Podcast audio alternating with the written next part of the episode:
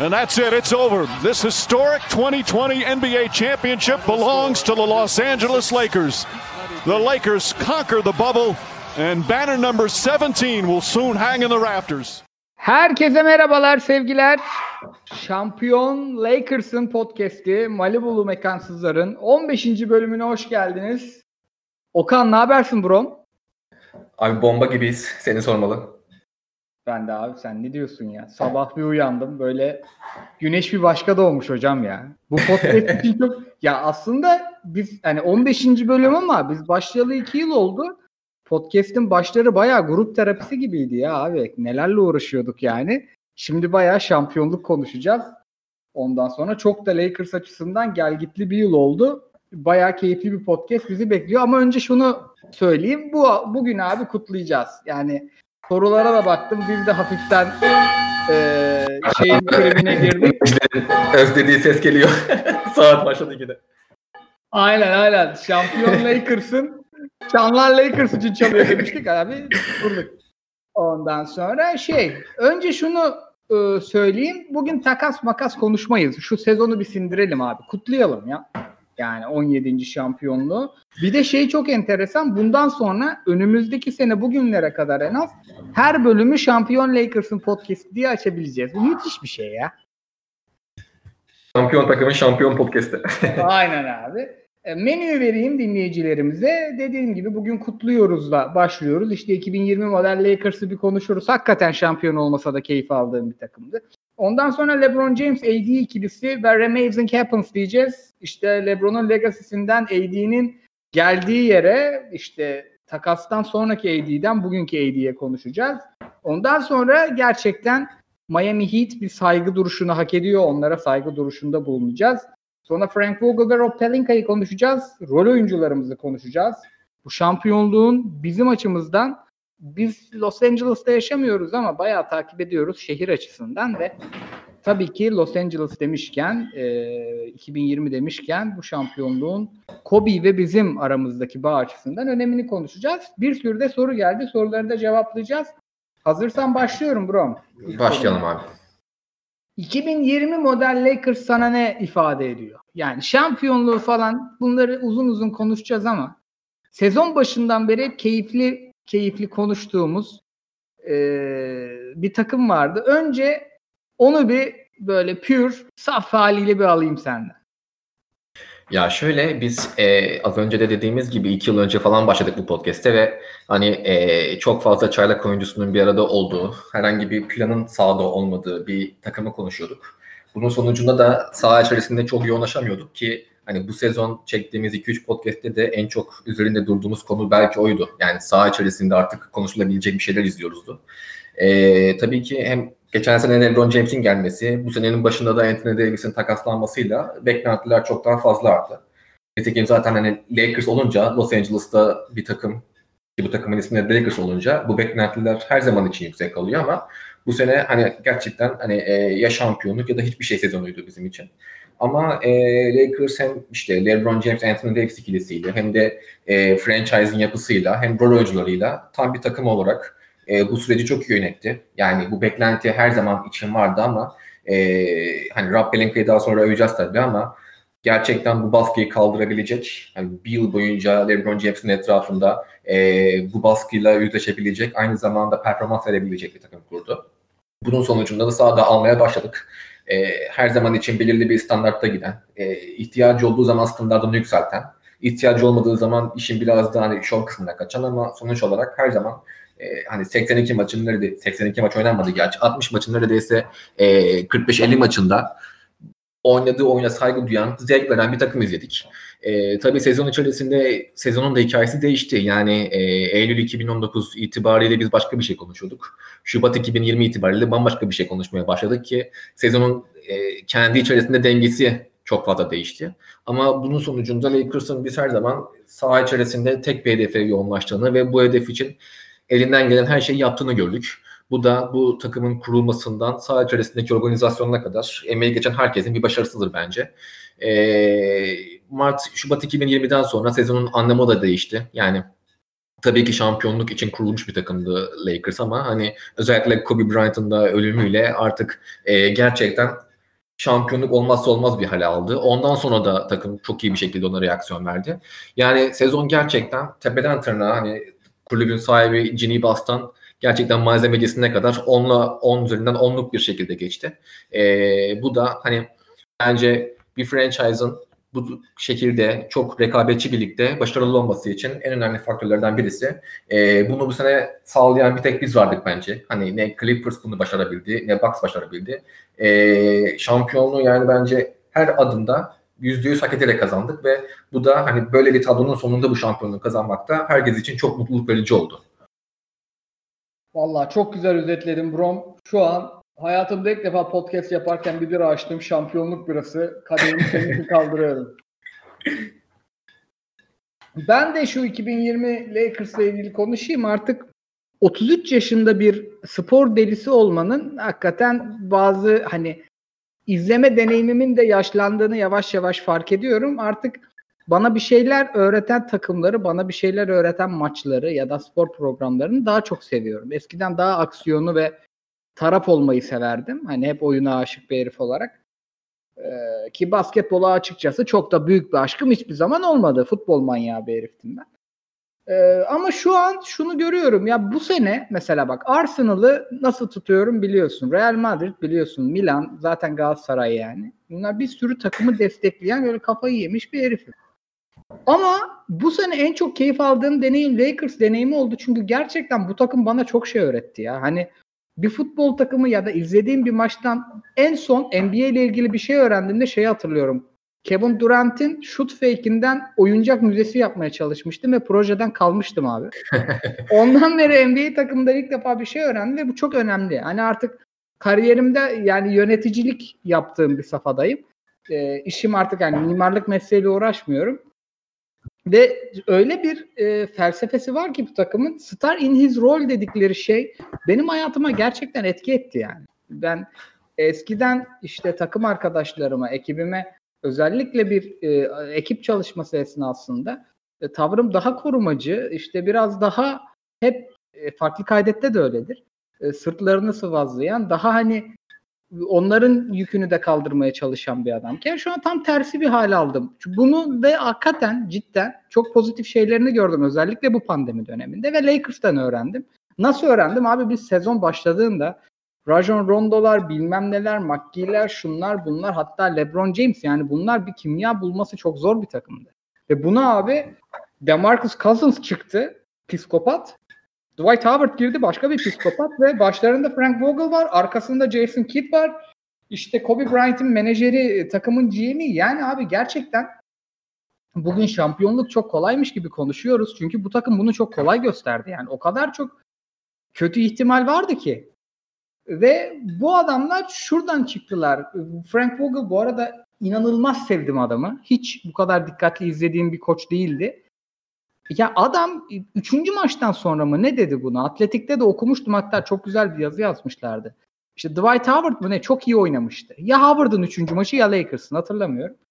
E, he's a star role dedi. Ondan sonra bir duraksadı. Bu takımda herkes kendi rolünün starı zaten dedi. Yani organizasyonda. Gerçekten Rob Pelinka'nın Vogel'ın üstüne basmadığı işte LeBron James'in AD'nin arasındaki ilişkiden görüyorsunuz. İşte Dwight Howard'ın e, hayır ben götümü dayayıp 20 sayı 20 rebound almaya çalışacağım demediği ondan sonra herkesin kendi işini yaptığı ama çok iyi yapmaya çalıştığı ve neş- neşeyle yapmaya çalıştığı bir takım izledik. Hayatımda hiç bu kadar Cem Dizdar gibi konuşmamıştım. Podcast'ı daha neşeli bir hale getirip sana sorumu soruyorum. Birçok takımın ben bu takımda şunu gördüm. Bunun sebebi koç mu? LeBron ve AD mi çok merak ediyorum. Zaten hafif hafif oraya gireceğiz. Hani şampiyonluk kutlamalarını bu didaktik havadan çıkaralım. Abi ben mesela çok güzel bir Milwaukee Bucks izledik. Sezonun kimi zamanları iyi bir Clippers izledik. Maalesef çok iyi hiç izlemedik. Umarım hiç izlemeyiz bu arada. Ee, çok iyi Celtics izledik. Ondan sonra çok iyi Miami Heat izledik zaten değineceğiz. Çok iyi Toronto'da izledik abi. Toronto roket gibi geliyordu. Ve bu takımların hepsi bir şeye takıldı. Çok iyi Denver'da izledik bu arada. Bu takımların hepsi bir şeye takıldı abi. Hepsi bizim ya kıvrılamadılar yeterince. bir yere kadar kıvrıldılar sonra kırıldılar. Ama biz 3 uzun, 5 uzun, 4 kısa her şeye yani bir bukalemun gibi her rakibe, her duruma e, uyum gösterebildik ve burada hani şimdi benim basketbol bilgim bunu anlatmaya yetmiyor. O yüzden sana soracağım. Ya burada bu esneklikte en büyük e, krediyi kim almalı? Çünkü bence sezonun yıldızı o.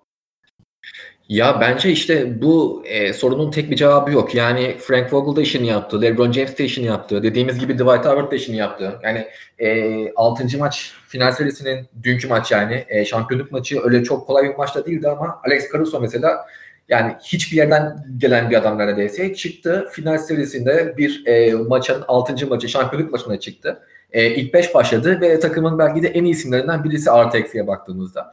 Yani e, bence bu sezonun hikayesi böyle. Yani az önce sen çok iyi değindin mesela. Bu takımda kimse kimsenin üzerine basmadı. Herkesin rolleri çok belliydi ve herkes kendi rolünü sezonun neredeyse tamamında belirli bir standart üzerinden oynadı. Yani biz bunu mesela Popovic'in Spurs'ünde evet e, çok fazla görmüştük. O takımın belki de 20-25 yıllık hikayesi buydu.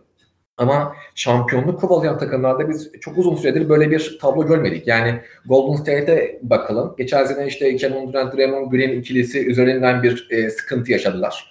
E, hani orada Klay Thompson mesela çok uyumlu bir oyuncudur ama orada e, o tür bir ortamda bile böyle bir sorun çıktı. E, daha önce bakıyoruz Miami Heat mesela e, Big Three'nin Miami Heat'ine baktığımız zaman Onlarda böyle bir sıkıntı vardı. Chris Bosh e, üçüncü adam olarak belki de ligin en iyi oyuncularından biri olarak katıldığı o Miami kadrosunda üçüncü adam olmanın e, altında biraz ezildi ve performansını tam gösteremedi. E, Cleveland Cavaliers'a bakıyoruz. Kyrie Irving ile LeBron arasındaki problemleri biliyoruz. Kevin Love'ın o e, mental olarak yaşadığı sıkıntıyı biliyoruz. Ama yani e, Lakers bu sezon bunu hiç yaşamadı ve bence bizi diğer şampiyonluk favorilerinden ayıran en önemli özellik sezonun neresinde olursak olalım ve nasıl bir problemle karşıya kalırsak kalalım bir şekilde bizim bir sorun çözücümüz oldu. Yani mesela Celtics Heat karşısında final e, doğu finalinde müthiş problemler çekti ve saha içerisinde buna bir problem bulamadı. Celtics'in en büyük problem çözücüsü kim? Brad Stevens. Evet doğru. Ligde de çok önemli koçlardan birisi. Ama onun da yetemediği bir alan oldu ve Heat onun avantajını kullandı. E, bakıyoruz işte Bucks Heat serisinde aynı problem Yanis Antetokounmpo için karşımıza çıktı. E, çok iyi bir takım. Her şey her parça birbirini tamamlayan bir şekilde uyuşuyor ama e, bir sorun ortaya çıktığında o ikinci sorun çözücüyü bulamadılar. Clippers'ın bütün sezonun hikayesi belki bu. Yani Kawhi o takımın lideri olduğunu düşünüyoruz. Ama ne kadar e, o liderliğini bize hissettirdi ve takımın en zor, e, sıkıntı çektiği zamanlarda bir omuz attı takıma. Göremedik böyle bir şey ve onlar da e, tarihin belki de en büyük ayak kırıklarından birini yaşadılar Denver karşısında. Ama e, LeBron James gerçekten e, saha içerisinde bu sorun çözücü rolünü en iyi şekilde üstlenen oyuncu oldu sezon boyunca. LeBron James'in zaman zaman yetemediği alanlar oldu mu? Hani çok fazla göremedik onu ama o zaman da e, Frank Vogel'ın her zaman için bir cebinde bir silahı vardı ve onu kullanmayı başardı. Zaten biz onu e, LeBron James ile Frank Vogel arasındaki ilişkiden çok net görebiliriz. Yani e, belki de LeBron James'in kariyeri boyunca en sorunsuz çalıştığı isim oldu koç olarak Frank Vogel. Hani Spurs'la bile böyle bir ortam yaratamamıştı LeBron'a. E, ve hani bu belirli bir sebebin üzerine oluyor. Yani LeBron hani e, ben burada susayım bir işte tartışma yaratmayayım tarzı bir fikirle bu ilişkiyi sürdürmüyor. Demek ki Frank Vogel herkesin saygısını kazanmış. En çok da LeBron'un saygısını kazanmış. E, tüm bunlar bir araya gelince böyle bir tablo ortaya çıkıyor. Yani az önce saydım mesela işte Dwight Howard'lar, Rondo'lar, Cousins'lar, e, Jason Kidd'ler falan filan. Bu oyuncuların tamamı kendi rolünü o kadar iyi bir şekilde oynadı ki ortaya bir sorun çıkmadı. Yani mesela bence Miami Heat serisinin, final serisinin en büyük sorun çözücüsü Rajon Rondo. Yani biz bu adama iki senedir falan neredeyse e, küfretmediğimiz kaldı tüm Lakers'lar olarak. Ama bence hani e, LeBron James'in yapamadığını yaptı ve maçı kazandı bence. E buna işte Dwight Howard'ı ekleyebiliriz. Denver serisini yok işte inanılmaz sindirerek çözdü. Herkes kendi görevini yapınca da ortaya böyle bir sonuç çıktı. Dolayısıyla ben burada hani e, kim Lakers'ı bu noktaya getirdi sorusuna tek bir ismin e, söylemek istemiyorum. Ama hani e, LeBron James ve Frank Vogel önderliğinde o takımın standartını korumalarını sağlayarak herkes bunu başardı ve bu herkesin başarısı bence. O zaman daha sevimli konulara geçelim LeBron James'e. Bu arada geçen hangi podcast'i dinliyordum? Ya Atletic'in Emergency podcast'i ya da Lakers Nation'ın podcast'i hatırlamıyorum. Şey dediler. İşte Lakers e, şöyle aile takımı, böyle aile takımı konuşuyorlardı. Babalardan biri de sürekli içiyor ama şampiyonluk kutlama sürekli ve herif sorulara cevap verememeye başladı artık. Yani mesela Avery Bradley önümüzdeki sezon kalmalı mı diye soruyor moderatör. Adam şey diyor az önce diyor Lakers'ın şampiyonluk tişörtlerinden aldım falan diyor. Yani herif uçtu bir yerden sonra. Şeydi, herif sarhoşken şöyle bir şey dedi. Ya biz de aile takımı aile takımı diyoruz da Cinibas kardeşini kovmasa bunlar olmazdı dedi. Çok mesela ya hakikaten 50 bin tane hikaye var. Tabii bir buçuk yıl sürünce sezon. Şey geçiyorum Ya, LeBron James'e. Bu arada e, hani LeBron James'i konuşalım da burada hani Ginny Bass'ın dediğimiz hamlesi geçerli. E, Pelinka'nın mesela bence sezonun kaderini değiştiren hani Tyler ile anlaşıp daha sonra anlaşmayı bozarak Frank Vogel'a gitmesi de ayrı bir hikaye. Net Ve o kadar da yani e, özellikle Pelinka gibi bir hani riskli diyebileceğimiz konumda bulunan bir GM'in kolay, e, kolay veremeyeceği bir karardı. E, ona daha sonra geleceğiz tabii ama hani o kadar dönüm noktaları var ki hepsi Lakers'ın üzerine işledi. Ve sonuç olarak Abi. bu ortaya çıktı yani. Şöyle girelim LeBron'a o zaman. Dönüm noktası demişken LeBron James sezondan önce bu sezon başlamadan önce kariyerindeki en uzun yaz tatilini yapmıştı abi. Ve bundan sonra ödülü de kariyerinin en uzun sezonunu oynamak oldu. Bir, bir sene bir ay sürdü sezon. abi adam 35 yaşında. Gerçi yani şimdi şunu sevmiyorum. LeBron James'in istatistiklerini falan anlatmak istemiyorum ama gerçekten o kadar anormal şeyleri normal gösteriyor ki rakamlarla konuşmak zorunda kalıyoruz. Adam 35 yaşında finallerde triple double ortalamayla oynadı. Ve yani bir yerden sonra gerçekten herifin bir durdurulamaz modu var. Sorularda da gelmiş bu arada o mod üzerine konuşuruz. Onu açtığı zaman yani gerçekten ileride maçların tekrarlarını izleyince falan çoluk çocuk ne hissedecek çok merak ediyorum ya. Hani çok değişik bir adam abi bu. Abi e, LeBron James ile ilgili şöyle küçük bir istatistik vereceğim bu dediğini destekleyen. E, playoff tarihi boyunca yanılmıyorsam, e, bütün playoff tarihi boyunca LeBron James e, iki sayılık bitirme oranı, iki sayılık e, sayı atma oranı olarak tarihin birinci, ikinci ve beşinci sezonlarını yaşamış kendi adına. Ve e, hepsinde Ş- Shaquille O'Neal'dan daha iyi. Ya bu e, saçmalık ya bu hani e, hakikaten şey değil yani bu hani mantıklı bir şekilde oturup bunun hani sebebine sonucunu falan tartışabileceğim bir şey değil bu. Adam yani e, %60'la falan bitiriyor ve bunu hakikaten 36 yaşında yapıyor ki hani e, bunu biz seninle sezon boyunca da konuşmuştuk. Şu andaki Lakers'ın yapı olarak hani 3 uzunla kalması, LeBron dahil 3 uzunla sağda kalması falan e, LeBron'un bu pota altı etkinliğini azaltan bir şeydi normalde. Ama adam bana mısın demedi yani. İşte vurdu geçti. Ondan sonra e, topla birlikte dermeye başladı. Anthony Davis'i zaman zaman bu şekilde besledi. Ve bunları hani 36 yaşında yapıyor olması e, zaman zaman hani Gold'luk tartışması içinde artık yavaştan başlanmaya başladı. Çünkü e, çok cid- ciddi bir argüman aldı Michael Jordan karşısında. E, üç farklı takımla üç defa NBA şampiyonluğu yaşamak e, pek çok oyuncunun büyük ihtimalle tecrübe edebileceği bir şey yakın zamanda da. Ama yani bakıyoruz e, hakikaten triple double'la falan böyle final serisi oynamalar. E, Miami Heat gibi bence çok çok iyi bir savunma takımına karşı neredeyse hiç e, ciddiye bile almadan bunları yapıyor olmak çok aşırı bir şey. 30 sayı, 12 rebound, 8.5 asist ve hani şey e, %40'la üçlük atmış adam.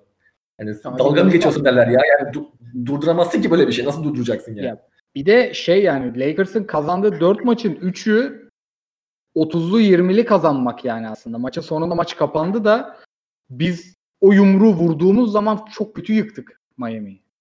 Ya şöyle söyleyeyim mesela e, KCP ve Green'den hani biz stabil bir şut katkısı aldığımız her maçta 30'a vurduk ya playoff boyunca yani. Bu e, şey değil yani rakibin kolay kolay kapatabileceği bir fark değil. Hani Miami Heat'te de maç yaptık mesela bir iki topa bakan maçlar oldu. Bir tanesini onlar kazandı, bir tanesini biz kazandık. Onlar işte saha içerisinde değişen faktörlerin sonucu diyebilirsin de yani e, Le- LeBron'un etrafına böyle 2-3 tane hayatı boyunca oynadığı, kariyeri boyunca oynadığı profil adamlar serpiştirsen belki de Lakers tarihin en dominant şampiyonundan birini kazanacaktı yani. Ve bu tamamen LeBron'un e, merkezinde olduğu bir planın ürünü olduğu için bütün krediyi de LeBron James'e verebiliriz bence bu konuda. Ya bir de LeBron'a veririz ama ben mesela şey hani geçen sene de LeBron'un durdurulamaz olduğu maçları izledik ama abi bir takımda hiçbir şekilde savunulamaz bir olan iki oyuncu izlemek de bazen yani empati yapıyorsun canın sıkılıyor abi rakibe. Yani Ya Yani e, senin bazı maçları var. Ya zaten musun birader. Yani kaldı kaldı üçü yapıştır abi yani. Ya o mesela kaçırmadı yani. Lebron kaçırmıyor. Bu kaçırmıyor. Ya bir işte hani şimdi maçtaki son şut Danny Green boş. Yanında şey de TP yapmış yani. evet, O kadar büyük e, dikiyorlar ki üstlerine. Bu arada Danny Green de NBA final tarihine en çok üçlük sokan 5. oyuncusuymuş. Ya. ya Spurs'te falan oynayınca oraları normaldir abi. Çünkü Her- her gün oynuyorlar. da. yani, yani. E, şunu diyeceğim bir de yani e, hani şu andaki algıda hani Lakers kolay bir şampiyonluk kazandı. Çünkü karşısında işte Dragic'ten yoksa bir Miami ile oynadı tarzı bir düşünce var ama Miami Heat gerçekten çok önemli bir savunma takımı. Ee, bunu özellikle Milwaukee karşısında çok rahat gösterdiler bize. Boston karşısında da yani e, belki de Doğu'nun en iyi hücum takımlarından birini 7 maçlık seri özelinde çok rahat durdurmayı başardılar. Ve e, Lakers'a cevapları yetmedi. Yani evet bazı savunma stratejilerini denediler falan ama yani e, bir takımı durdurmak vardır. Onu yaparsın evet. Oyuncuyu durdurmak ligde daha zordur. Ve Lakers Anthony Davis ile LeBron James özelinde iki tane ligin belki de durdurulması en zor oyuncusuna sahip olduğu için artık şey oldu yani hani e, Miami'nin biz çaresiz kaldığını gördük. Ve zaten bu iki takım arasındaki temel fark da buydu. Şampiyonluğu belirleyen temel fark da buydu. Yani Lakers bütün seriyi çok iyi mi oynadı? Oynamadı. Hayır. Miami belki de çok daha iyi oynadı seri genelini. Ama Lakers o yumrukları öyle vurdu ki Miami kalkamadı yerden. Aynen. Muhammed Ali'nin ikinci dönemi gibiydi Lakers ya. Yani herifin bütün maçlarını izledim yani. İkinci dönemi o şeyden e, o askerlik Vietnam mevzusundan döndüğü dönemi gibiydi.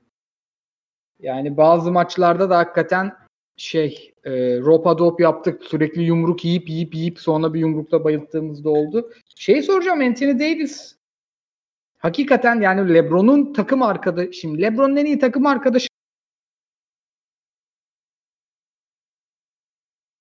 Ses gitti ama.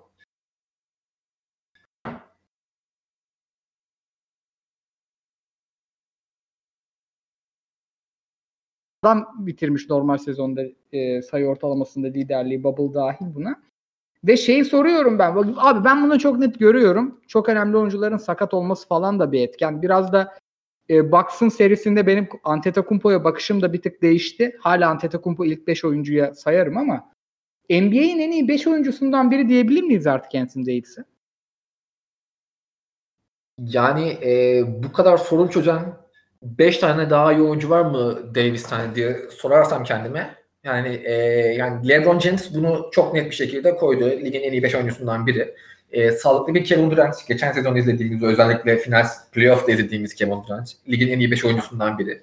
E, ama mesela Harden e, buralarda hep tokadı yiyip yerine oturan bir oyuncu oldu. Tabii ki Harden'ın yanında bir LeBron James yoktu ama e, Harden da bunları yaparken yanında Chris Paul, Westbrook gibi oyuncularla da o tokadı yedi. Ama mesela Anthony Davis çok yükseldi diyoruz. Anthony Davis ne normal sezonda ne de Bubble'daki normal sezon maçlarında bu kadar iyiydi. Adam playoff'a gide durdurulmaz oldu. Yani rekabetin arttığı yerde farkını bu kadar ortaya koyuyorsan bu senin aslında ligin işte diğer süperstar oyuncularından farklı bir noktada olduğun anlamına gelir. Ben Anthony Davis'i şu an tartışmasız olarak ligin en iyi 5 oyuncusundan biri görüyorum yani. Hani Yanis'i falan bence çok net olarak geçti. Çünkü nasıl işte LeBron'un e, Dallas karşısındaki mağlubiyeti LeBron James'in kendi legasisi üzerinde çok büyük eksi yazdıysa bence Yanis'in e, bu playoff'lardaki tablosu da kendisi için büyük eksi yazdı. Ama bu sezon özelinde yorumlayacak olursak Anthony Davis ve LeBron James tartışmasız olarak ligin en iyi 5 oyuncusunun ikisi bence.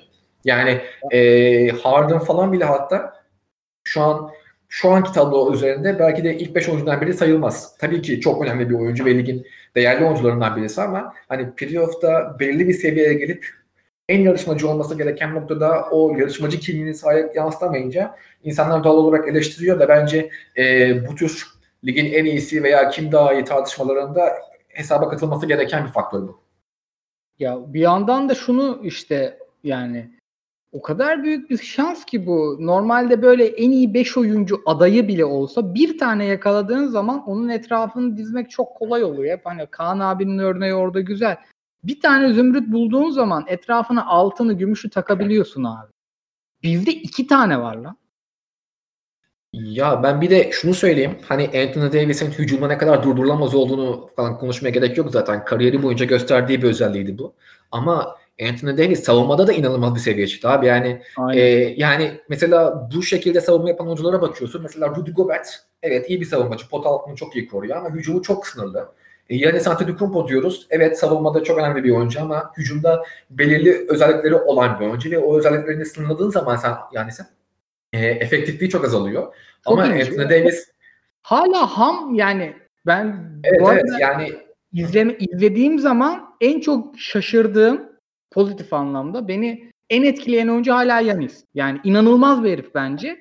Ama bu playofflarda gerçekten negatif olarak çok şaşırdım. Ya bu hamlıktan mı yoksa hani birkaç playoff oynadığında müthiş bir seviyeye çıkacak gibi geliyor bana. Yani o yüzden o 5 oyuncunun içinde herif ne seri yerse yesin tutarım o adamı ya. O herif o herifin karşısında durmak risk yani bir yandan. Abi şimdi e, Yanis'i takımına aldığını düşün. Yanis'in bir kere hücumu sınırlı bir oyuncu bence. Yani e, bazı şeyleri inanılmaz iyi yapıyor. Patlayıcılığını falan konuşmaya zaten gerek yok. Ama Yanis'in şutu belirli bir seviyenin üzerine çıkmadığı sürece ben Yanis Antetokounmpo'nun çok sınırlı bir hücuma sahip olduğunu düşünüyorum ki bu kadar işte ligin en iyi 5 oyuncusundan biri mi veya şey ne kadar büyük süperstar tartışmalarında e, takımın çevresinde bu kadar sınırlı bir şekilde değiştirebilen oyuncuların ben bir artı yazılabileceğini düşünmüyorum haneleriyle. Çünkü yani Milwaukee'nin durumuna bakıyorsun. Hani geçen sene de durum buydu. Milwaukee'nin şu andaki sorunu Yanis'in yeterli katkı alamaması değil takım arkadaşlarından. Bizzat Yanis'in kendisi sorunu oldu bu seviyede. Ve sen yani e, hani Milwaukee değil Lakers'ta böyle bir tablo görsen hani LeBron'un temel problemin LeBron olduğu bir tablo görsen Lakers bile bunu bunu karşılamaya eforu yetmez. Dolayısıyla e, Yanis'in bence bu şekilde görülmeye devam etmesi için önümüzdeki sezon itibaren kariyerinde çok farklı şeyler değiştirmesi gerekiyor. Yani şu andaki Yanis Antetokounmpo kariyeri boyunca bence bu tür problemlerle karşılaşmaya çok yatkın bir oyuncu. O yüzden ben Anthony Davis'i e, bu seneki playofflarda özellikle gösterdiği performansla çok rahat bir şekilde e, Yanis'in üzerine yazarım. Çünkü yani e, şimdi ya, Anthony Davis 2.08 bir oyuncu. Pota altında durdurulamaz bir oyuncu. Orta mesafede durdurulamaz bir oyuncu. Üçlük çizgisinin gerisinde çok isabetli sokuyor yani bu sene playofflarda da gayet isabetli soktu. Savunmak zorundasın. E, driblingi hani bu sezon çok gösteremedi LeBron James'le bir arada olduğu için ama driblingi veya işte potaya kat etmesi de olan bir oyuncu. E, savunmada zaten ligin en iyi 2-3 oyuncusundan biri ki bence en iyisi. Tüm bunları bir araya getirdiğin zaman yani sadece şu anda değil ligin son 10-20 yıllık tarihinde böyle bir oyuncu profiline sahip kaç oyuncu var ki? Benim aklıma direkt Aynen. gelmiyor yani. Adam hakikaten ki lige girdiğinde de oyunu değiştirecek demişlerdi. En azından o etkiyi yaptı. Ama Antetokounmpo ailesinin üzülecek bir şey yok. Yine de eve bir NBA şampiyonluğu girdi hocam. Kostas Antetokounmpo sağ olsun. Önemli oyuncu, özellikli isim. Abi Mekke'nin videosunu gördün mü dün? Instagram'dan açmış. o zaman ince ince şeye girelim. Ee, hakikaten bu kadar e, yani şey Miami'ye saygı duruşunu bir kere şuradan da yapabiliriz. Gerçekten LeBron James'i LeBron James yapan yerlerden biri o. Heat culture diyorlar ya. Gerçekten o sert o hani e, böyle elmas gibi biraz Pat Riley'den alan sonra Spoelstra'dan alan onu. O takımı yine gördük. Ee, özellikle Spoelstra benim hayran olduğum bir koç. Yani çok seviyorum herifi ve yine özellikle Celtic serisinde e, o, hem savunmada hem hücumda olağanüstü iş çıkardı. Brad Stevens'la kapışmalarını büyük bir keyifle izledim. Hatta yani en Lakers şampiyon oldu ama en meraklı açtığım maçlar Celtics Heat maçlarıydı. Evet, Onun evet, yanında e, Heroes'u vesairesi e, Duncan Robinson'ı böyle çok fazla tanımadığımız genç diyecektim de Duncan Robinson 27 yaşındaymış ya. Herif temiz yüzlü falan duruyor evet, baba. Evet. baba baba tam şey böyle kaşar futbol yorumcusunun yanıltacak tip oyuncu anladın mı? Genç isim diyorsun 35 çıkıyor herif. Ondan yaşları kontrol ettim ama. Gürcan Gildiç gibi. Aynen. Tyler Hero'ya da büyük saygı duydum. Son birkaç e, maçta su kaynatsa dahi. Ama her şeyden önemlisi ben Jimmy Butler'ı hiç sevmezdim. Bunda da bizim Fritz'in payı büyük. E, büyük Chicago 7 emini hiç sevmez. E, işte yalan kahraman falan der durur. E, o da ya genelde de adamın dediği çıktı yani. Her sezon izliyoruz herif. Her sezon şuradan patlar diyor. Fritz oradan patlıyor. Ama Eric Spoelstra ve Riley'nin yanında gerçekten öyle bir konfor alanı, öyle bir güven e, duymuş ki abi olağanüstü iş çıkardı. Adam gerçekten 300 Spartalı'nın sonu gibi e, izledim adamı. E, o yüzden böyle rakiplerle oynamak özellikle kazandıktan sonra çok keyifli ve ben birçok WhatsApp grubunda dün şey dedim.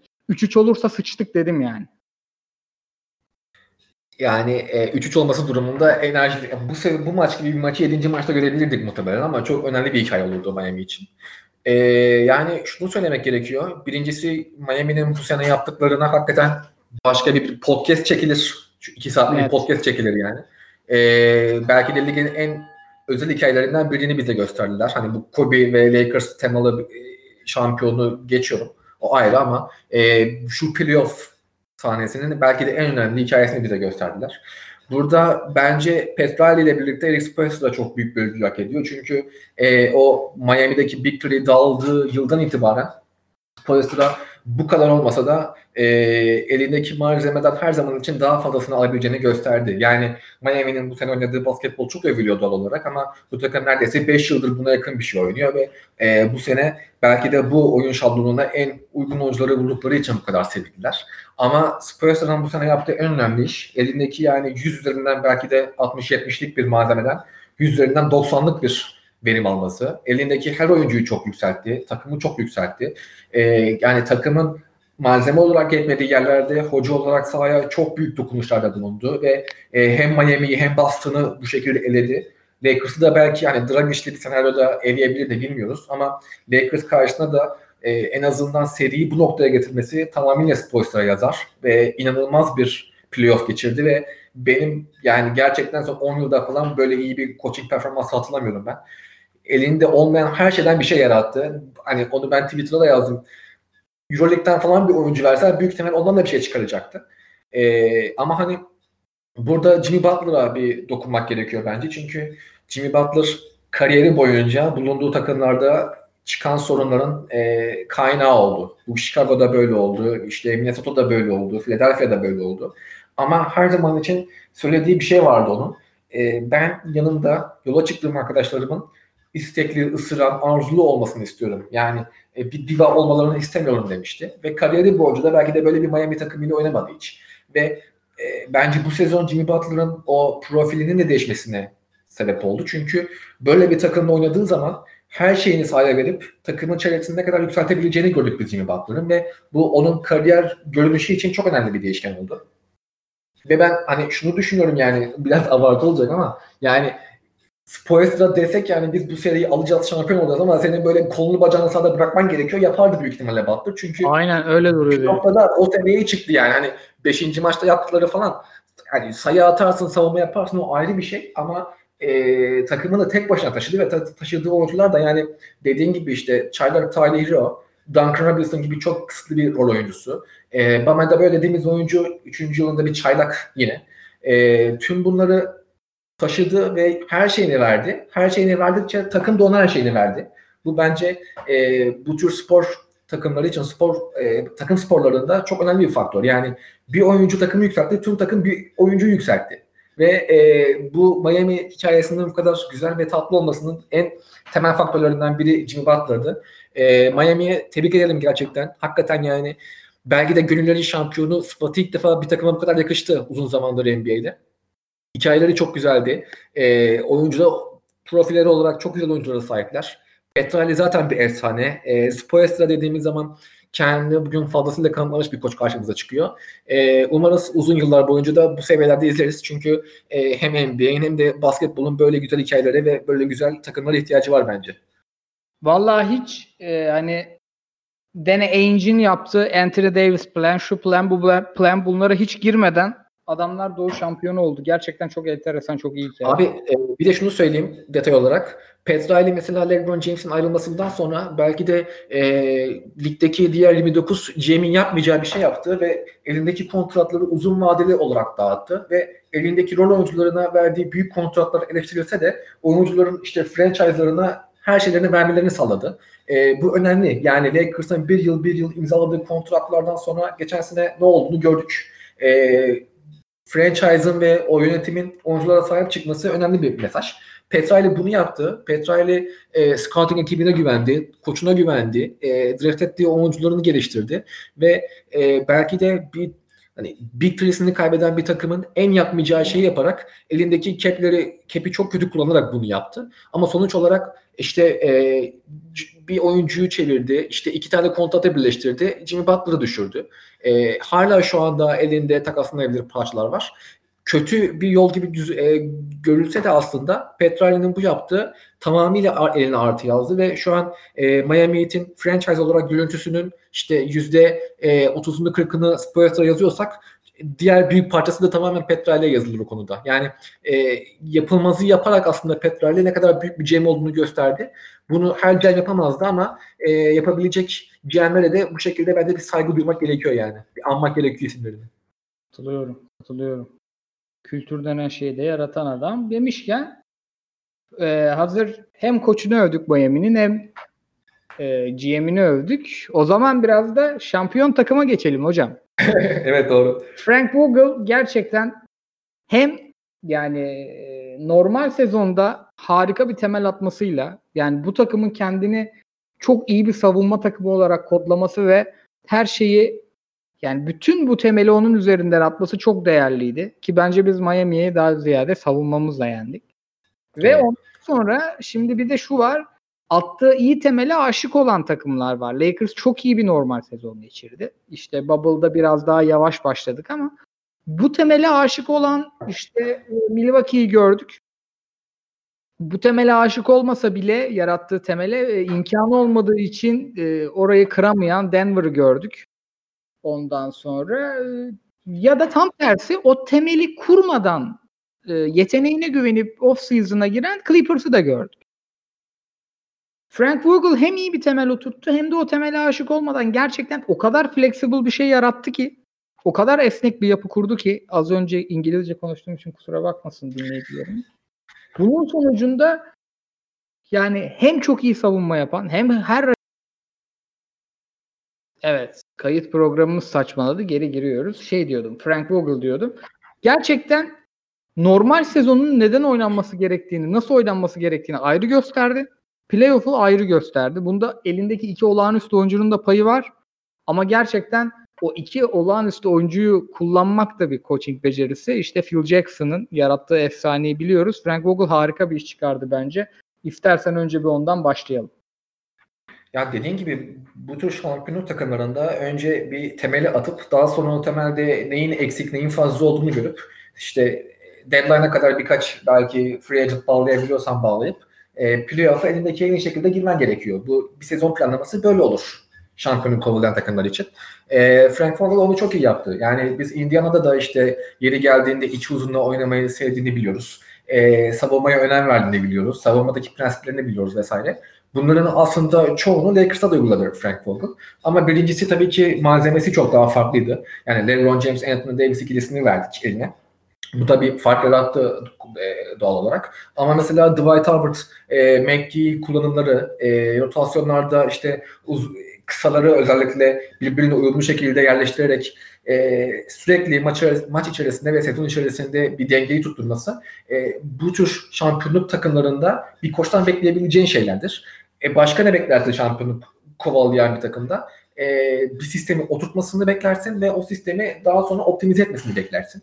Dediğin gibi Clippers'ta mesela bu çok eksikti. E, Clippers bir temel atamadı. Temel atamadığı için elinde neyin eksik neyin fazla olduğunu göremedi ve playoff'ta çok büyük bir tokat yedi. E, Milwaukee için belki aynısını söyleyebiliriz. E, orada da çok iyi bir normal sezon takımıyla karşılaştık ama e, Budenholzer'ın ikinci, üçüncü planlarında neredeyse hiç uygulamaya koymadığını gördük. Ama Frank Vogel gerçekten e, bir şampiyonluk takımında yapılması gereken her şey yaptı. Yani bir sistemini koydu ortaya. Evet Lakers'ın sistemi nedir? İşte sahada mümkün olduğu kadar uzun kalır, kalın kalır. E, savunmasına önem verir. Fast break kovalar. 2-3 e, üçlük attığında da yani standartlarda üçlük attığında da zaten e, çok net bir şekilde hem galibiyeti alır hem de sezon içerisinde e, güçlü bir şekilde ilerler. Biz bunu gördük. Daha sonra işte Anthony Davis'in 5 oynadığı dakikalarda nasıl e, oynadığını gördük Lakers'ın. O Anthony Davis'in 5 oynadığı planlarda 4 numaraya koyabilecek oyuncu eksikliğini çektik. Çünkü e, Kyle Kuzma mesela o katkıyı veremedi bize ve o e, katkı veremedikçe de tıkandığımız noktalar oldu. Ama orada da işte Markif Morris'i e, takıma kazandırdık ve Markif Morris de e, playoff'ta bize 3-4 tane çok net maç çözdü ve geçen e, şampiyonluk maçını da e, belki de çözen işlerden bazılarına e, imza attı. E, tüm bunları bir araya getirince de zaten Fogel gibi bir koçun sen e, bu tarz takımlarda barınmasını ve koşuk yapmasını istersin. O bakımdan ben e, Fogel konusunda şüpheleri olan bir e, Lakers'lı olarak tamamıyla tatmin oldum. Çünkü şunu görebiliyoruz yani playoff'larda özellikle 7 maçlık seriler, e, seriler oynadığın için rakibin seni ezberlediği gibi sen de rakibini ezberliyorsun. Ve Frank Vogel yani bazı maçlarda tabii ki böyle bir zorunluluğu yoktu. Örneğin Portland serisinde çok rahat geçtik falan ama yani e, ihtiyaç duyduğu her playoff maçında bir önceki maçta neyi yapıp neyi yapamadığını göre planını değiştirdi ve bu planını değiştirdiği her saniyede de sonuç aldı. Yani bu gerçekten bir bu tarz takımlarda bir koçun imza hareketidir aslında. Bunu biz Popovich tarzı, Carlisle tarzı koçlardan görürüz. Ve e, zaten elinde LeBron James ve Anthony Davis gibi iki tane sorun çözücü oyuncu olduğu zaman da zaten e, sen koçundan bunu bekliyorsun. Vogel bunu onun üzerinden onluk yaptı ve belki de şampiyonlukta bu kadar önemli katkıya sahip olmasının temel faktörü bu. E, aynı zamanda hani LeBron James ve Anthony Davis tabii ki savunma konusunda öyle çok sıkıntı çıkaran oyuncular değiller ama e, bu tarz iki süperstarı da savunma yaptırmak çok kolay iş değildir. Ve e, bu tarz takımlarda da mesela Clippers'ta bunu görüyoruz. Savunma konusunda çeşitli problemler yaşadır. Frank Vogel kendi savunma kimliğiyle bunu da önledi. E, LeBron James'e net bir görev verdi. Anthony Davis'e net bir görev verdi. Bu iki net görevde oyuncuları çok zorlayacak e, görevler değillerdi. Ama neredeyse maksimum katkıyı aldı. E, Anthony Davis potadan uzak savunma yapmak istiyordu. McGee'yi pot altında koyup Anthony Davis'e daha ziyade boyalı alanı savundurdu. E, Anthony Davis belki de ligin en iyi savunma oyuncusu. Yani her şeyi dört dörtlük yaptı e, Fogel. O bakımdan tebrik edilesi performanslardan biri bence. E, iyi yaptığı diğer konuda az önce tabii saydık ama rol oyuncularının tüm sezon boyunca canlı tuttu ve e, hem Dwight Howard'dan hem Rajon Rondo'dan, Caruso'dan e, biraz da Markif Morris'ten playoff'ta çok kritik katkıları çok kritik yerlerde aldı. E, oyuncular bu şekilde katkı verince ana plana ve koçu olan e, inançları daha tazelendi ve sonuç olarak böyle bir tabloyla karşılaştık. E, yani Frank Vogel belki sezon başında ligin en iyi 10 koçundan biri değildi. Çünkü Indiana Pacers'ta hikaye yarım kaldı. Orada da çok kötü bir sezon geçirdi. E, bir iki yıldır da işsizdi ve bence soru işareti bir tercih edildi Lakers açısından. Ama bütün bu şüpheleri o kadar net bir şekilde ortadan kaldırıp o kadar temiz işler yaptı ki şu anda ligin en iyi 5 koçundan biri desek e, yani tabii ki itiraz edenler olabilir ama ne diyorsun sen tarzı bir tekliyle karşılaşmayız. Yani Aynen. E, şey mesela Dark Rivers o tokadı çok net yedi. Dark Rivers'ın şu an ligin en iyi 5-10 koçundan biri olduğunu iddia etmek e, mantıksızlık olur. Ama Frank Vogel kesinlikle rüştünü ispatladı ve ben e, koç için bu konuda çok mutluyum yani. Çünkü o Indiana Pacers'ta yaptıklarından sonra o takımın rakibi şeydi yani Big Three'li Miami Heat'ti. E, bu şekilde bir tabloyla karşılaşmasaydı, bu şekilde o övgüleri hak edecek bir sonuç ortaya koyup e, dolayısıyla hem şampiyonluğu hem de bu övgülere mazhar olmasaydı ben e, koç için üzülürdüm yani. O Spurs'ta ne kadar güzel bir hikaye ise Frank Vogel'da bir o kadar güzel bir hikaye bence. Tabii canım maçtan sonraki şampiyonluktan sonraki hali tavrı da çok iyiydi ya babanın. Ya ben şeyi gördüm orada. Yani e, dediğim gibi soru işareti bir tercihti ve sezon boyunca da zaman zaman eleştiril, eleştirildiği noktalar oldu. Ama e, o şeyi gördün yani. Adam o kadar rahatlamış ki. Yani sonuç olarak Lakers'ta hem LeBron hem Anthony Davis'e sahip olup e, bütün sezon oynamak çok kolay bir şey değil. Yani e, şey diye eleştiriliyorsun hani final serisini 5 maçta 4 maçta değil de 6 maçta kazandın diye eleştirildiğin bir ortamdasın sen. Ve e, bir ters durumda ki çok, o, o da olasıydı yani. Miami bu maçı alsa belki son maçta bir kitlersen şampiyonluğu kaybedecektin. Ee, inanılmaz bir eleştiri yarmına tutulabilirdi Frank Vogel. Belki kariyeri bitecekti. Bu da normal bir şey olurdu o senaryoda. Ama e, o rahatlamayı, o mutluluğu görünce yani koç için ben çok sevindim gerçekten. O kuş gibiydi ya. Bağırmalar, çarpmalar falan. Çok iyiydi yani. Hazır rol oyuncuları demişken şeyden hani oyuncuları işte hem Howard'ı kullanması hem Caruso'yu dedik. Ee, oraya da bir girelim ya. Çünkü benim bu takımı bu kadar sevmemin sebebi LeBron ve Davis değil sanırım rol oyuncuları ya. Şu an yani LeBron'u Davis'i olan takımın Caruso'su sevilir mi? Seviliyor. Yani o programın başında da söylediğim o Star in His Role mevzusu tabii ki en çok rol oyuncularında görüldü. Vallahi bu takımda en çok ben de bunu sevdim. Özellikle Dwight Howard'ın o Redemption sezonu çok keyifliydi evet. abi. Onun yanında Rajon Rondo'nun gerçekten o playoff Rondo şeyini açması, e, ben, vitesini açması müthişti. Çok şeyde mesela normal sezonda bu kadar saçma sapan oynayıp da playoff'ta e, neden bu kadar değerli bir oyuncu olduğunu hissettiren başka bir oyuncu hatırlamıyorum ya. İnanılmaz bir seviyeye geçti yani. Hani Aynen. şu Miami meselesinde özellikle belki de LeBron'dan daha kritik detayları çözdü Rondo. Yani ben şey diyorum artık yani bu adam gerçekten isteseymiş e, şu an Chris Paul'un sahip olduğu kontrate ve şeye sahip olabilirmiş. Role sahip olabilirmiş lig içerisinde yani. Kendine bazen, yazık etmiş maalesef. Bazen durdurulamaz bir hale geliyor herif. Alex Caruso zaten Lakers'ın yani iki hem karanlık hem aydınlık döneminde podcast yaptık. Biz iki tarafında temsilcisi. Yani adam G League'den gelip final maçında son maçta ilk beş başladı. KCP manyağını bile sevdim. Hatta e, Green ve Kuzma'yı da sevdim. Özellikle Green'in yani pota altı savunmasında bize yaptığı katkı. Ben bilmiyordum o kadar iyi e, çember savunucusu bir kısa olduğunu Green'in. Kısa da değil aslında herif. Enteresan bir vücudu. Yani evet aslında o o biraz o detay yaratıyor. Aynen, yani aynen. Green'e kısa denmiyor yani. Ve e, yani bütün bu rol oyuncularını çok sevdim. Önümüzdeki sezonu konuşmayacağız bugün. Şampiyonluğumuzu kutluyoruz ama bunlardan birileri ayrılıp muhtemelen daha iyileri gelecek. Ve bunların hangisi gitse daha ileri gelmesine rağmen üzüleceğim. Çok sevdim ben bu takımı ve bu oyuncuları. Senin de yorumunu alayım bro. Ya şöyle birincisi e, böyle bir beklenti var. Lakers işte yazın yazın demeyelim gerçi e, off season'da takas hamlesi yapar tarzda ama ben bu takımın takasa gireceğini neden hiç düşünmüyorum. E, bunda iki temel faktör var. Birincisi bu takım e, 2021 yazı için kurulmuş bir takım ve e, bir yıllık kontratla takımın elini yükseltebilecek bir oyuncu bulmak çok zor takas piyasasında. İkincisi de yani Lakers'ın bu o hani aile yapısı ve kendi kodları var ya abi. Ona bence biraz ters olacak. Çünkü bu takım şampiyonluk kazandı ve e, hakikaten starından rol oyuncusuna, bench oyuncusuna herkes o rolünü benimseyip uyguladı. Dolayısıyla hani bu oyuncular gitmek istemediği sürece ben herhangi birini bizim takaslayacağımızı veya göndereceğimizi düşünmüyorum. Ama e, şunu söyleyebilirim yani e, Danny Green gözden çıkarılabilir bir parça. Bunu artık playoff'ta çok net gördük yani. E, o kontratı da kolay kolay kimse almaz ama e, öyle bir imkan bulunduğunda ben gözden çıkarırım. E, Kuzma'nın şeyi vardı. Bu çaylak oyuncu kontratı olduğu için Kuzma e, 15-20 sayı ortalamaya oynadığı her sezon aslında bir artı yazıyordu hanesine. Ama bu sezon e, hiç ileri gidemediği gibi bence geri de gitti. Dolayısıyla Kuzma da bence gözden çıkarılabilir bir parça. Onun dışında diğer veteran oyunculara baktığımız zaman yani e, her oyuncunun sahaya kattığı bir şey var tabii ki. Ama mesela ben e, Bradley'nin rolünün biraz daha böyle hani onun sanırım e, şeyi var. Oyuncu opsiyonu var Bradley'nin. E, o oyuncu opsiyonunu kullanmadığı takdirde o görevi e, free agent'ın herhangi bir oyuncuyla karşılayabileceğimizi düşünüyorum.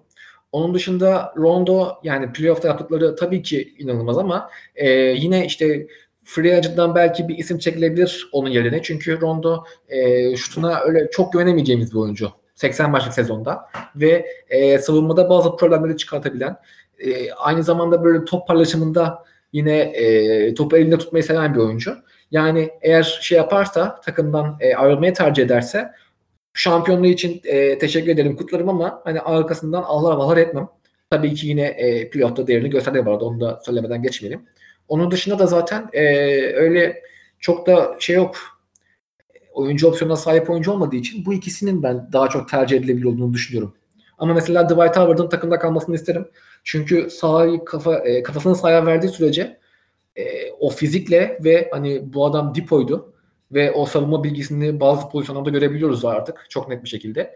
E, Dwight Howard diye bir uzunun takımda olmasını isterim ben. E, KCP'nin opsiyonu var sanırım. KCP bu sene çok değerli katkı verdi. Hani o katkısı belki çok fark edilmedi ama şut konusunda özellikle takımın e, sezon boyunca stabil isimlerinden birisiydi. E, onun dışında zaten Jared Dudley vesaire dedeme de bir yüzük baladık. o konuda Abi şey ya e, onun Reddit'te falan dalgası çok geçiyor. Adam 25 sayı olan maça giriyor. Kardiyosunu yapıp çıkıyor. Tertemiz yani. Hiç, hiç yormuyor tarafını falan. Dedem paketli yüzüğünü. Ee, ama mesela şey, Marcus Morris'i tutmak gerekir bence. Yani e, takımlar kaynaşması, sahada verdiği katkı ve e, 4-5 oynayabilmesi Davis'le bence Marcus Morris'i değerli bir parça yapıyor. Yanılmıyorsam Bird haklarına sahip olmamız gerekiyor. Onu ben bir sene overpay edip tutarım yani. Vallahi ben tekrar ediyorum. Kim gitse üzüleceğim bu takımda. O zaman şeye ince ince zıplayalım. Ee, bu şampiyonluğun duygusal tarafına. Bunu aslında podcast'in başına yazmıştım ama ondan sonra da çok fazla e, yani o duygusal ağırlığı 45 dakika bir saat taşıyalım istemedim açıkçası. Bir de enteresan eleştiriler de gördüm hem Reddit'te hem Twitter'da. Şimdi özellikle e, takım Kobe Bryant'a saplantılı bir şekilde oynadı sezonu. Yani forma seçimi olsun, maçta molalardan sonraki bağırmaları olsun, işte Anthony Davis'in son saniye şutundan sonra Kobe diye bağırması olsun. Ya, hakikaten yani bir e, ben bu kadar bir şeye adanmış bir sezon görmedim. Kobe e, hayatını kaybettikten sonra. Yani bir spor takımının bir şeye bu kadar adadığını kendini görmedim. Bu kupa olur, şampiyonluk olur, işte kişisel bir rekabet olur ama Lakers gerçekten bunu dibine kadar yaptı ama bunu özellikle bizim memlekette bunu bizim anlamamız kolay değil. Çünkü ya biz buradayız. Ne kadar her şeyi okuyor olursak olalım, ne kadar maçların hepsini izliyor olursak olalım, ne kadar NBA e, o NBA havasının içinde, o atmosferin içinde o havayı soluyor olursak olalım. Biz buradayız ha. Yani biz İstanbul'dayız evet. ve yani burası Los Angeles değil. Aramızda On, bir dünya var yani. Yani ve maalesef hep bu fark olacak. Yani umarım işte 2050, 2060 bizim torunlarımız o havayı da soluyabilir. O kadar küçülür dünya ama biz şu an soluyamayız. En basitinden şöyle söyleyeyim. Ben İstanbul'da yaşıyorum ve benim bir kah burada işte bu şehrin bir kahramanı yok abi. Evet. Ama Los Angeles'ın var. Los Angeles'ın hep vardı. İyisiyle vardı, kötüsüyle vardı, skandalıyla vardı, gitmek istemesiyle vardı, dramasıyla vardı, sahanın içinde çıkardığı kavgayla vardı ve vardı. Çünkü Los Angeles'ı yani Lakers hem bir aile şirketi hem bir şehrin temsilcisi. Ondan başında şakasını da yaptık yani. Bu yani insanlar kendini bu kadar özdeşleştirebiliyor. Bir şehir özdeşleştirebiliyor. Burada her şey bölünmüş durumda İstanbul'da. Sadece spordan bahsetmiyorum. Yani o kültür mozaiği dediğimiz şey aslında çok da mozaik değil. Kendi kendine küçük ayrışmış derebeylikleri. Burada o özgürlük yok. Biz onun içinde kavruluyoruz ama oraların kahramanları var. Oraların starları var. Oraların ışıkları var. Bunda bunun içinde marketingi de dahil. Yani bunun içinde işin pazarlaması da dahil. Bunun içinde maalesef işin o kirli tarafı da dahil. Yani Los Angeles'ı marketingden, pazarlamadan dışarıda tutarsanız zaten başka bir şey yaşıyorsunuz. Yani o stadın, o sahanın ışıklarının tribünlerinin kapanmasının bir sebebi var. Yani o kadar ünlüyü göstermek değil maça dikkat çekmek aslında. Ve o, bu insanların yani bir sürü inan bana hayatımda hiç bu kadar Lakers podcast'i dinlememiştim ben. Anlamak istedim ya hakikaten Kobe gerçekten orada geziyor mu? O ruh orada dolanıyor mu yani? Herifler hep aynı şey diyor. Burada diyor plaja git evden çıkıp plaja giderken Kobe Bryant'ın resmini görmemeniz imkansız. Bir reklam panolarının yanından arabanızla geçerken Kobe Bryant'ı görmemeniz imkansız. Bir saat radyo dinlerken Kobe Bryant'ı duymamanız imkansız. Burada yaşıyor bu adam ve biz gerçekten çok üzgünüz. Hala üzgünüz. Hala yas tutuyoruz ve gerçekten çok ihtiyacımız vardı bu şampiyonluğa şehir olarak.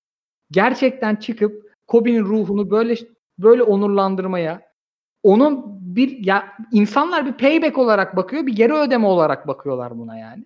Ve biz buna ya gerçi sadece bizde değil. Buna Reddit'te de işte özellikle Reddit'teki Lakers komünitesi, Arsenal komünitesi çoğu orada yaşamayanlardan oluşuyor zaten. Orada bakışı hiç anlamadım abi. Sanki her şey kendi salonumuzdan yaşıyor, yaşanıyormuş. Bütün dünya salonumuzmuş gibi oldu. Hayır, orayı solumak lazım ve gerçekten ben anlam veremiyordum. Çünkü ben de kendi salonumda yaşıyorum hayatımı. Ben de bir astral seyahat yapıp Los Angeles'ta plajda gezemiyorum ya da oradaki sokağı koklayamıyorum.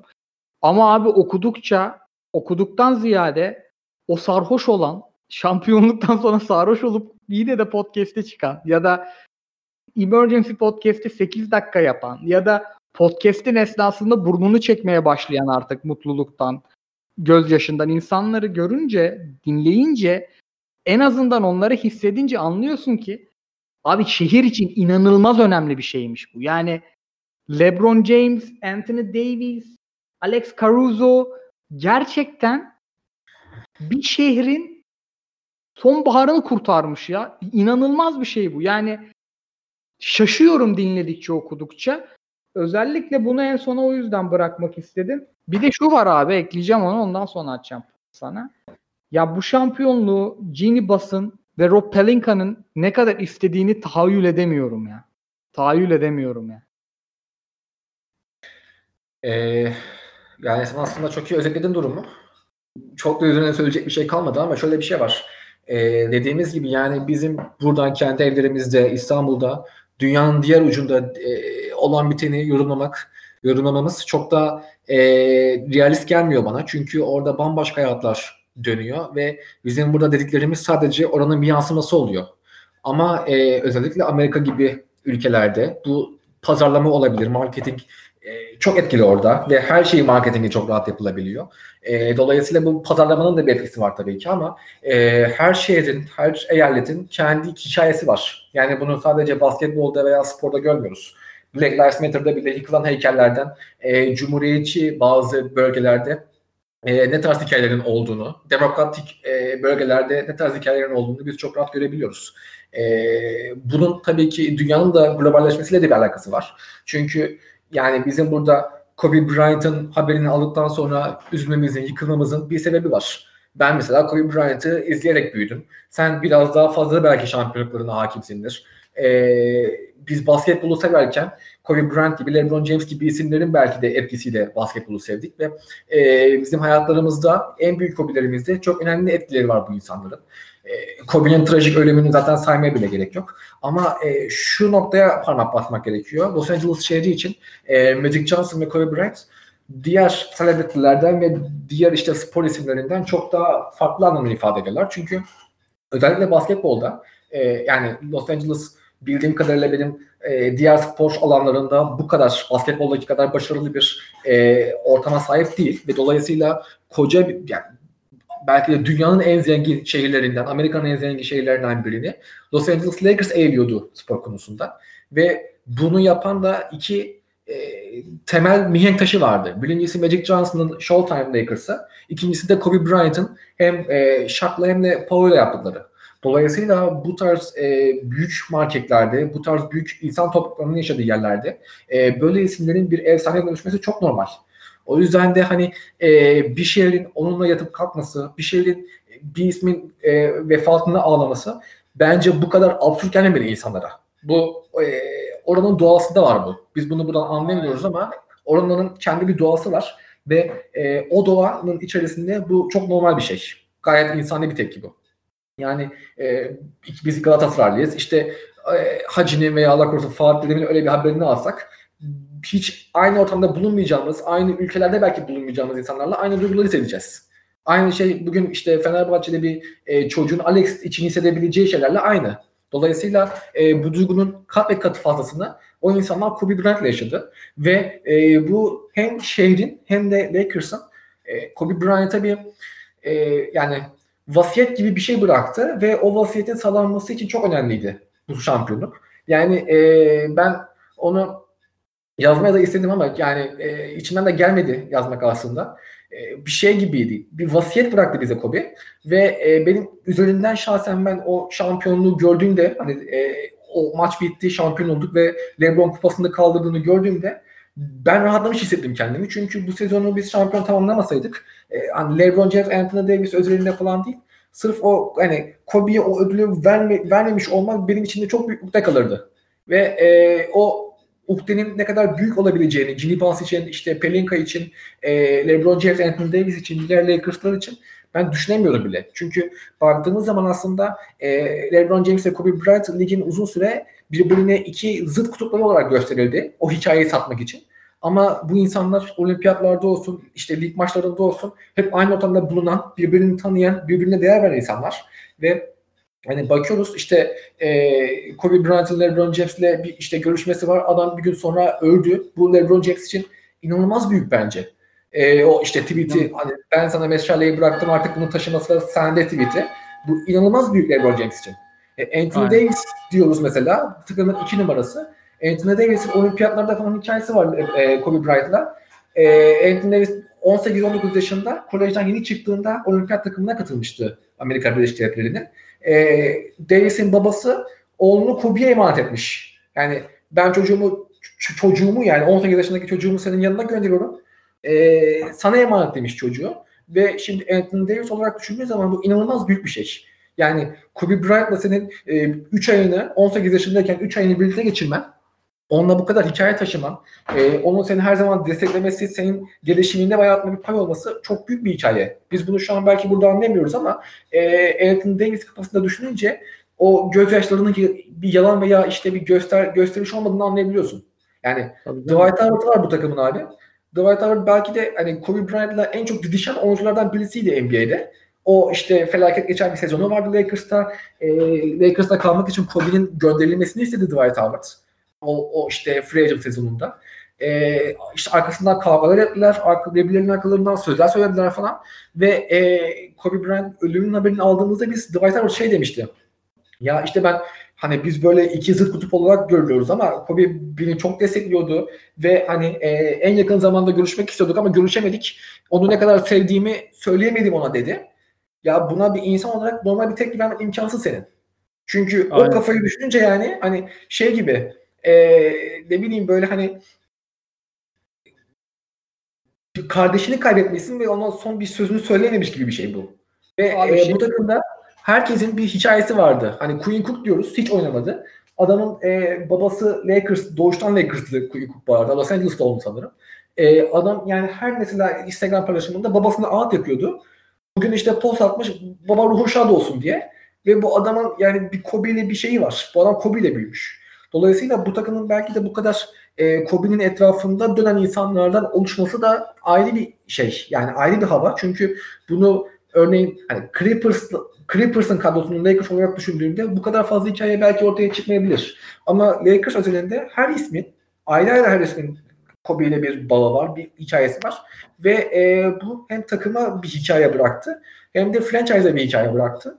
Ve e, herkes de bunu çok iyi bir şekilde tamamladı bence. O yüzden e, ben hani Ginny için de mutluyum. Çünkü Ginny da hani 20 yılını falan Kobe ile belki kardeş gibi geçirdi. E, işte Rob Pelinka zaten kardeşlermiş yani. E, onun vaftiz babası falan bir şeyin. E, Kobe'nin çocuklarının. E, franchise olarak bence bu hikayeyi çok iyi tamamladık. Dediğim gibi yani şampiyonluğu ben şampiyon olunur olunmaz yani bu sene olmazsın seneye olursun. Hani Lakers sonuçta bu 5-10 senede bir şampiyon olunan bir camia. Ama hani bu seneyi şampiyon geçiremeseydik o şey olurdu yani benim içimde kalırdı. Çok üzülürdüm büyük ihtimalle. Yani ne olursa olsun bugün şampiyonluğunu kutluyoruz Lakers'ın. Bu arada ilk sona almışım podcast'te. Hakikaten modumuz düşecekmiş. Ama 2 yıl sonra, 3 yıl sonra biz 2020'yi maalesef Lakers'ın şampiyon olduğu yıl değil, Kobe Bryant'ı kaybettiğimiz yıl olarak hatırlayacağız. Evet evet. Sorulara zıplıyorum. Sorulara zıplıyorum. Ay içimiz örtüldü. Ee, hadi eğlenelim sorular. Ee, takas sorularını şeye 2 15 gün sonraya saklıyoruz. Başlıyorum. Bir takas sorusu geçtim. İki takas sorusu geçtim. 3 dakika sözü geçti. Kapatıyorum. He. Abu Hez Yozet sormuş. Enteresan bir nick.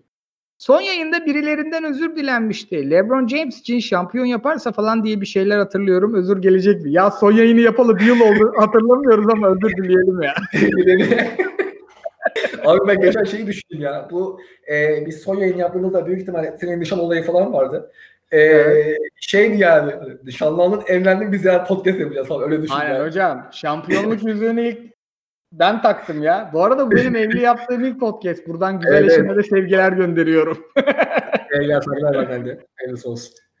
Ee, Green Northern sormuş. Yalnız demiş Koray'ın önceki yıllarda Davis için Bol, Ingram, Hart ne varsa veririm dediğinde ya o kadar da değil dediğimi hatırlıyorum. Haklıymış adam soymuşuz resmen Pelicans'ı demiş. Ya Ingram yalnız.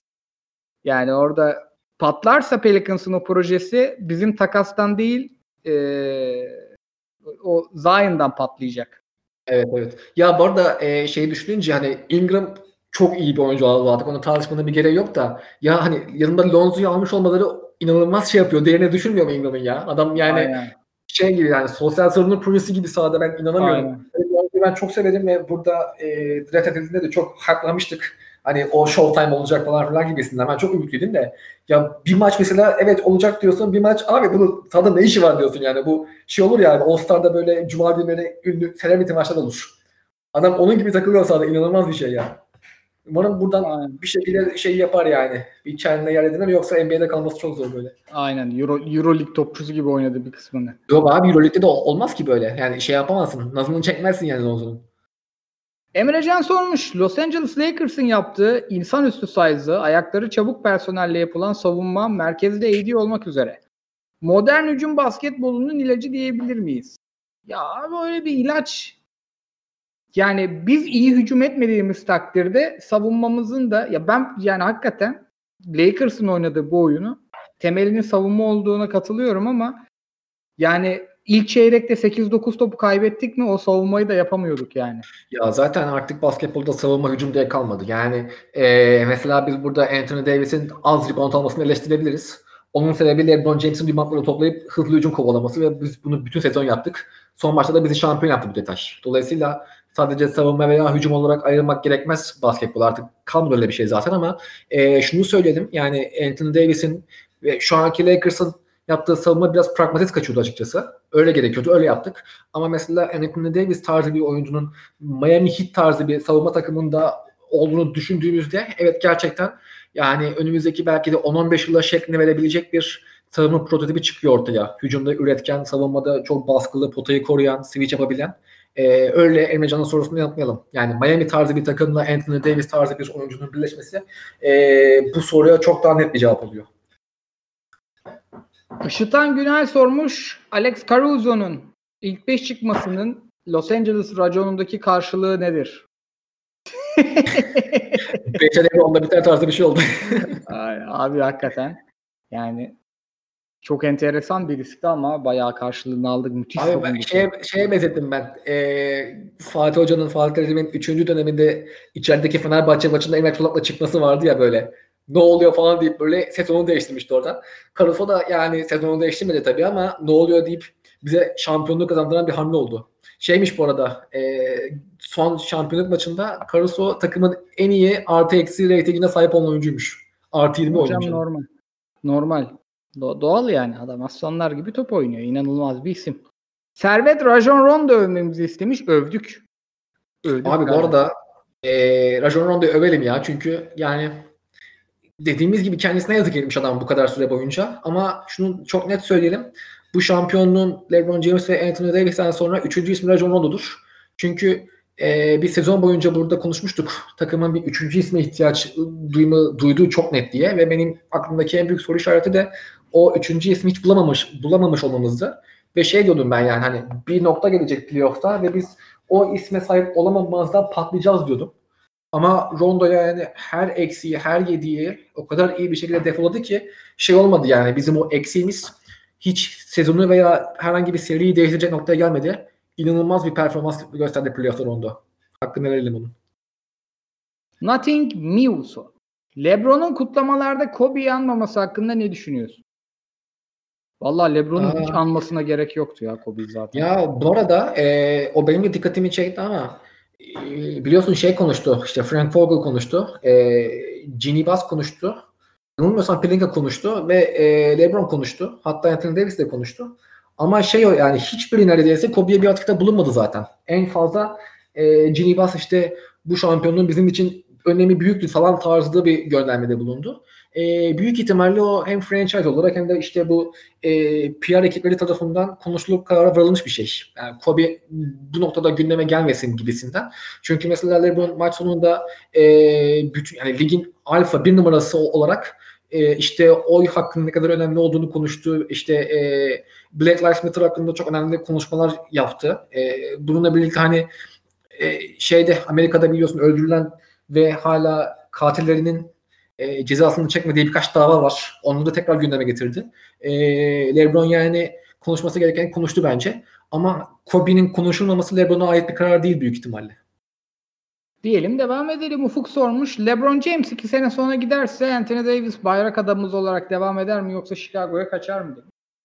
Ya LeBron James gitmez bırakır artık burada. Ya LeBron James'in bir şey olayı var işte. Ee, çocuğuyla bir arada oynamak istiyor ya. Hani belki orada çocuğunu draft edenin ya takıma bir sene falan gidebilir. O olabilir. Ben de bu arada düşünmüyorum gideceğini. Ee, ama LeBron James'ten bağımsız olarak bence Anthony Davis e, kariyerini Lakers'ta bitirmeye yakın. Çünkü ben e, LeBron James'in de hani benim burada zaten 2-3 senem var. Ondan sonra bayrağı sana devredeceğim tarzı bir e, planla Anthony Davis'i sezon öncesi bağladığını düşünüyorum. E, bununla birlikte zaten Lakers, e, pardon Anthony Davis Lakers'a gelmeyi çok istedi. Yolunu yaptı. Her şey yaptı neredeyse. E, ailesinden beri de Lakers'tı galiba. Çünkü babası falan e, bayağı yani Lakers taraftarı gibi davranıyor. Ben anormal bir durum olmazsa e, Anthony Davis'in takımda kalacağını düşünüyorum. Şöyle bir fark var ama e, Anthony Davis ya 7 ya 8. yılında şu anda ve şu anda 5 yıllık bir kontrat alırsa 5 yıl 200 milyon dolar tarzı bir kontrat alacak. Ama e, biliyorsun 10. yıldan sonra Supermax imzalayabiliyor oyuncular. O yüzden Anthony Davis bu yaz 2 yıllık bir kontrat da imzalayabilir. Öyle bir durum var. E, yani 2 yıllık bir kontrat imzalaması şaşırtıcı olmaz. O görüşler tartışılır tabii Lakers'la birlikte ama e, millet şey olmasın yani. Ulan 5 yıllık kontrat vardı niye 2 yıllık imzaladık olmasın. Çünkü o da e, Anthony Davis'in büyük ihtimalle kariyerini Lakers'ta bitirmesini sağlar. Diyelim devam edelim. Bence de her ikisi de kalacak. Hatta LeBron biz gerekli draft şikelerini yapar. Bronny'yi de da geliyor. katarız. Ya. Black Sports alsın. Kerem şeyi, Öncel sormuş. Beşinci maçtaki şut sokan ve dışarıdan oynuyor yatan LeBron'u izlemek mi daha keyifli yoksa 6. maçtaki gibi her fırsatta potaya giden eski tarz LeBron'u mu 6. maç çok iyiydi. Abi 6. maç şöyle iyiydi. Çünkü yani şey var ya sen daha iyi bilirsin. Bir bilgisayar oyunu vardır. Bir de hani MacBook tarzı şeyler vardır. E, iş bilgisayarları vardır.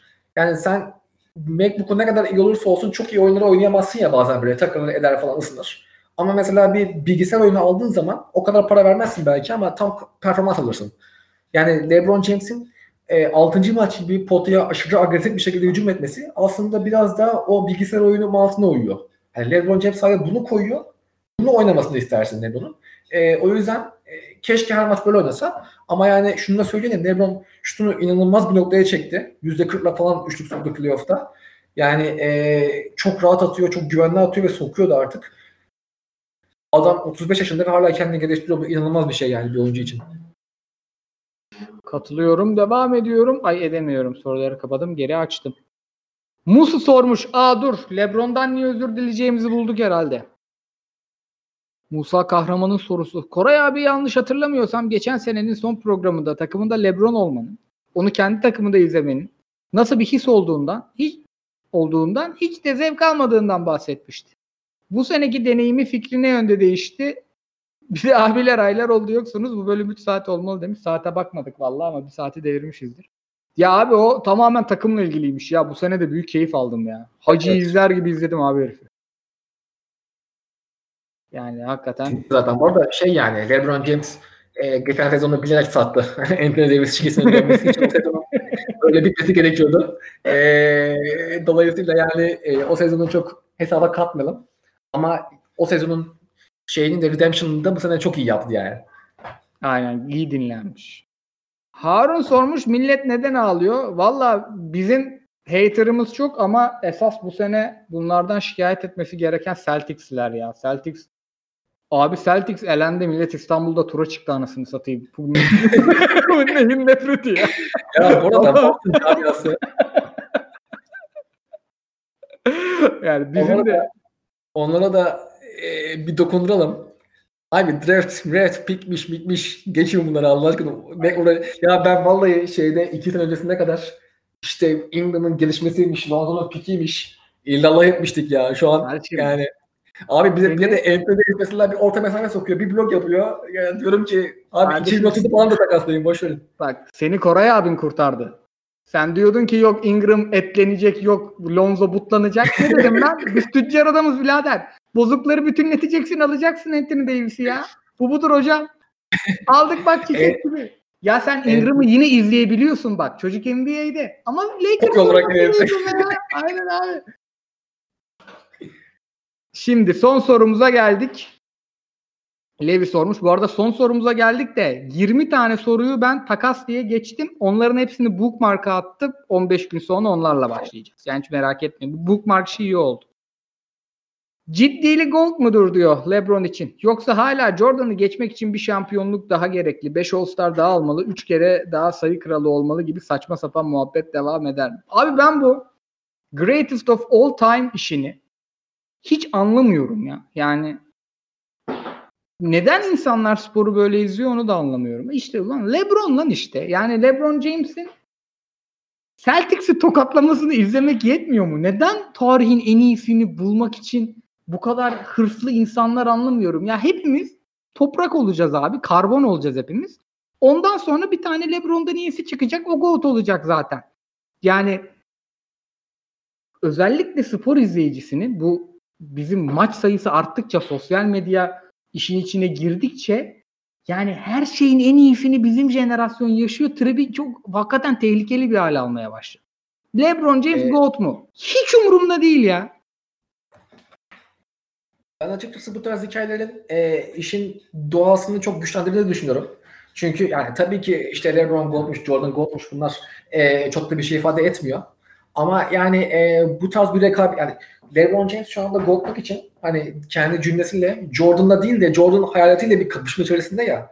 Ben o hikayenin e, hem LeBron'u hem de şu an günümüz basketbolunu biraz daha beslediğini düşünüyorum açıkçası. Çünkü e, bu LeBron'a her zaman için kendisini daha çok geliştirme ve kanıtlama zorunluluğu veriyor ve e, benim bir basketbol sever olarak isteyebileceğim birinci şey budur aslında. Hani LeBron kendini zorlasın, bir şampiyonluk daha, bir şampiyonluk daha kovalasın. Kevin Durant kendini zorlasın, bunu geçmeyi denesin falan. Ben bu tarz hikayelerden açıkçası hoşlanıyorum. E, soruya gelince şunu söyleyeyim. LeBron James Gold'luk konusunda Jordan'a hiç olmadığı kadar yakın bence şu anda. Ve hani seneye de şampiyon olursa zaten 5. yüzünde takarsa ben e, bu argümanların ciddi bir hal alacağını düşünüyorum artık. Çünkü e, sunduğu çok e, net ve kuvvetli argümanlar var LeBron'un. İşte 3 farklı şamp franchise olmuş. Lakers'a sıfırdan almış, şampiyon yapmış. Cleveland köyüne işte sıfırdan yüzük getirmiş. Yani tabii ki Jordan'ın yaptıklarını burada saymaya gerek yok ama e, LeBron'un yaptıklarını da 5. şampiyonlukta bahsediyorum bu arada. LeBron'un yaptıklarını da e, Jordan altına ne kadar koyabiliriz? Koyarsak da ne kadar ağır olur bu? E, bu tartışılmaya başlanır. Yani şu an şu anın konusu değil bu ama seneye de şampiyon olursa LeBron James ciddi ciddi iddia etse ben GOAT'um dese yani ben e, itiraz etmem şahsen. Çünkü o noktaya getirdi konuyu.